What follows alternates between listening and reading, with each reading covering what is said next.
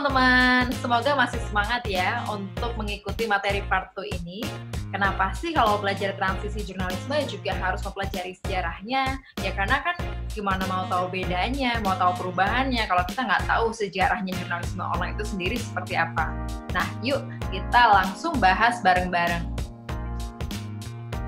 Kalau kita bahas sejarah dari jurnalistik online, salah satu tonggak peristiwanya adalah uh, peristiwa yang terjadi di tanggal 17 Januari 1998 di mana saat itu Mark Drudge membuat Drudge di blognya ya di Drudge Report memberitakan mengenai skandal Bill Clinton dan Monica Lewinsky. Peristiwa ini juga kadang disebut sebagai Monica Gate.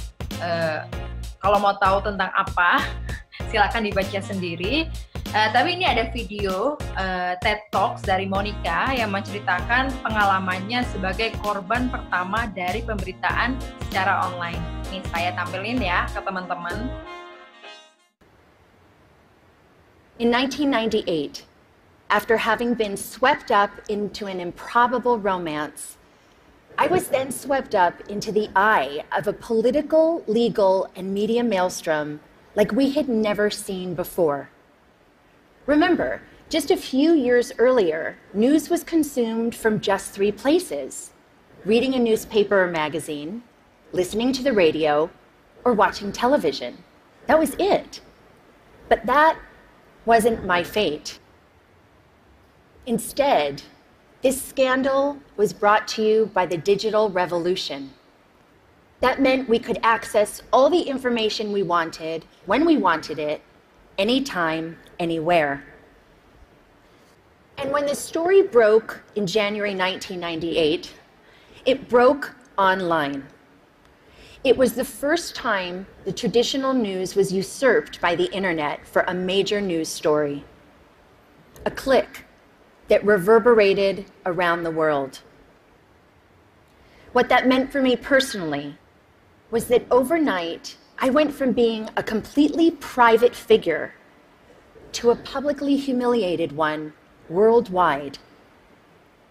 I was patient zero of losing a personal reputation on a global scale almost instantaneously.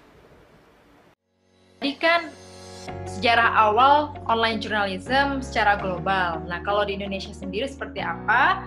Awalnya itu ketika muncul blog-blog pribadi. Jadi ketika internet awal-awal muncul, orang-orang mulai bikin blog, mulai menceritakan peristiwa yang terjadi di sekitarnya. Inilah yang dianggap juga sebagai pencetus uh, dari munculnya online journalism.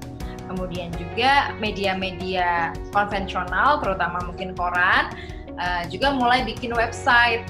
Walaupun awalnya media online itu hanya versi digital dari media-media tradisional, jadi kayak versi digital dari koran gitu kecuali Tempo. Kenapa kecuali Tempo? Karena di tahun 98 itu ya dan sebelumnya tahun 90-an lah ya.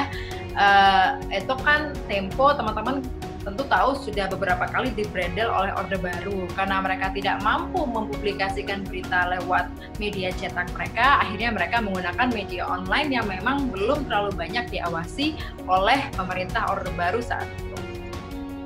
Baru kemudian salah satu hal penting yang mempengaruhi uh, jurnalistik online ialah turunnya Soeharto. Pemberitaan turunnya Soeharto kenapa dikaitkan sama online journalism? Karena Soeharto ini bisa diturunkan akibat beredarnya informasi mengenai uh, tindakan korupsi keluarga cendana yang disebarkan lewat mailing list. Nah, itu yang kemudian akhirnya menjadi pencetus kemarahan rakyat, melakukan demo besar-besaran dan menurunkan beliau dari jabatannya sebagai presiden. Dengan turunnya Soeharto juga yang dulu sangat ketat ya mengawasi eh, perusahaan-perusahaan media lalu diganti Habibie yang sangat membuka keran kebebasan pers muncullah banyak media-media online. Salah satunya ya detik.com itu kan memang pionir ya juga disebut tuh di videonya Remote TV tapi selain itu juga ada yang lain-lain nih. Eh, bahkan astaga.com, satunet.com, cafegaul.com menurut salah satu buku justru yang cukup besar waktu itu walaupun saya sendiri kayaknya nggak familiar ya dengan website-website tersebut. Lalu media online mulai booming nih kan. Mulai banyak yang bikin media online, bahkan saat itu copytime.com menjadi satu-satunya media yang berhasil masuk bursa saham di Jakarta. Jadi ini kan menunjukkan bahwa perusahaan media mulai memiliki value yang tinggi di mata para investor karena dianggap uh, potensial gitu. Jadi ya itu akhirnya makin rame lah orang yang membuat media online. Tapi ternyata hype-nya dari media online saat itu nggak bertahan lama. Di tahun 2002 bahkan banyak yang gulung tikar. Jadi kayak cuma bentar gitu ya anget-anget tai ayam lah gitu.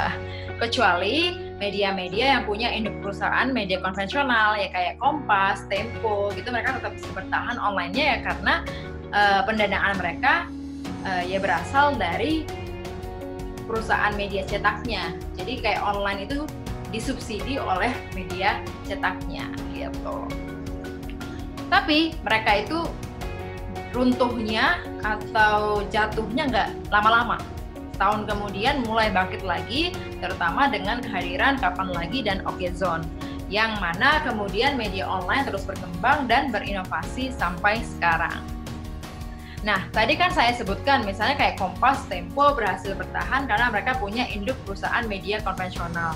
Gitu. Inilah yang disebut sebagai legacy media. Ketika ada media online yang sebenarnya hanya perkembangan atau anak dari perusahaan media-media konvensional. Tapi ada juga yang disebut sebagai native media. Native ini kan ibaratnya asli ya, murni dia hanya media online ya. Contohnya detik.com. Dan sekarang tentunya banyak juga ya media-media yang memang dia asli atau murni hanya punya perusahaan online aja. Mereka tidak terkait atau tidak terafiliasi dengan perusahaan media konvensional mana pun saya kembali lagi ke riset saya tadi. Jadi memang riset saya sebenarnya fokusnya ke native media. Untuk melihat bedanya native media sama legacy media.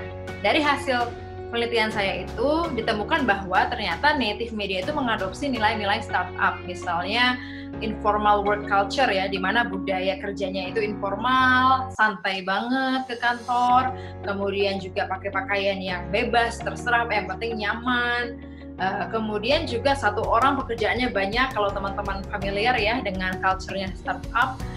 Uh, jadi ternyata native media mengadopsi value tersebut. Lalu ternyata karena memang umumnya native media ini kan masih baru ya, masih belum terlalu dikenal ya kayak misalnya apa ya, misalnya Tirto aja mungkin sebagian orang nggak aware dengan media namanya Tirto. Kalau teman-teman masih ingat tuh ada video uh, eh, PSSI ya ketika ada jurnalis Tirto wawancara uh, orang PSSI terus kayak nanya Hah, Tirto media mana tuh gitu jadi reputasi native media ternyata masih cenderung kalah dari legacy media. Ini diakui sama jurnalis-jurnalis yang dulunya kerja di media konvensional lalu pindah ke native media. Mereka mengakui kalau agak kesulitan sekarang untuk reach out to narasumber untuk wawancara narasumber karena nama media mereka belum terlalu populer. Nah akhirnya native media pun sekarang ternyata mulai menerapkan rutinitas legacy media. Native media kan cenderung lebih bebas gitu ya, lebih konsepnya fun. Tapi ternyata mungkin mereka merasa uh, kita perlu belajar juga dari kesuksesan media konvensional. Jadi uh, rutinitas-rutinitas uh, legacy media, media-media konvensional yang punya aturan-aturan di kantor, terus juga lebih serius itu mulai juga dilakukan oleh perusahaan-perusahaan native media. Nah, dengan contoh yang saya berikan tadi, walaupun tidak banyak karena sengaja tidak banyak, saya mau teman-teman untuk memberikan masing-masing satu contoh legacy media dan native media. Sekali lagi kata kuncinya, legacy media adalah perusahaan media yang online, dia punya versi online-nya, tapi sebenarnya dia tergabung atau terafiliasi dengan perusahaan media konvensional ya kayak kompas.com punya perusahaan Kompas Group. Tempo.co juga awalnya dari majalah Tempo.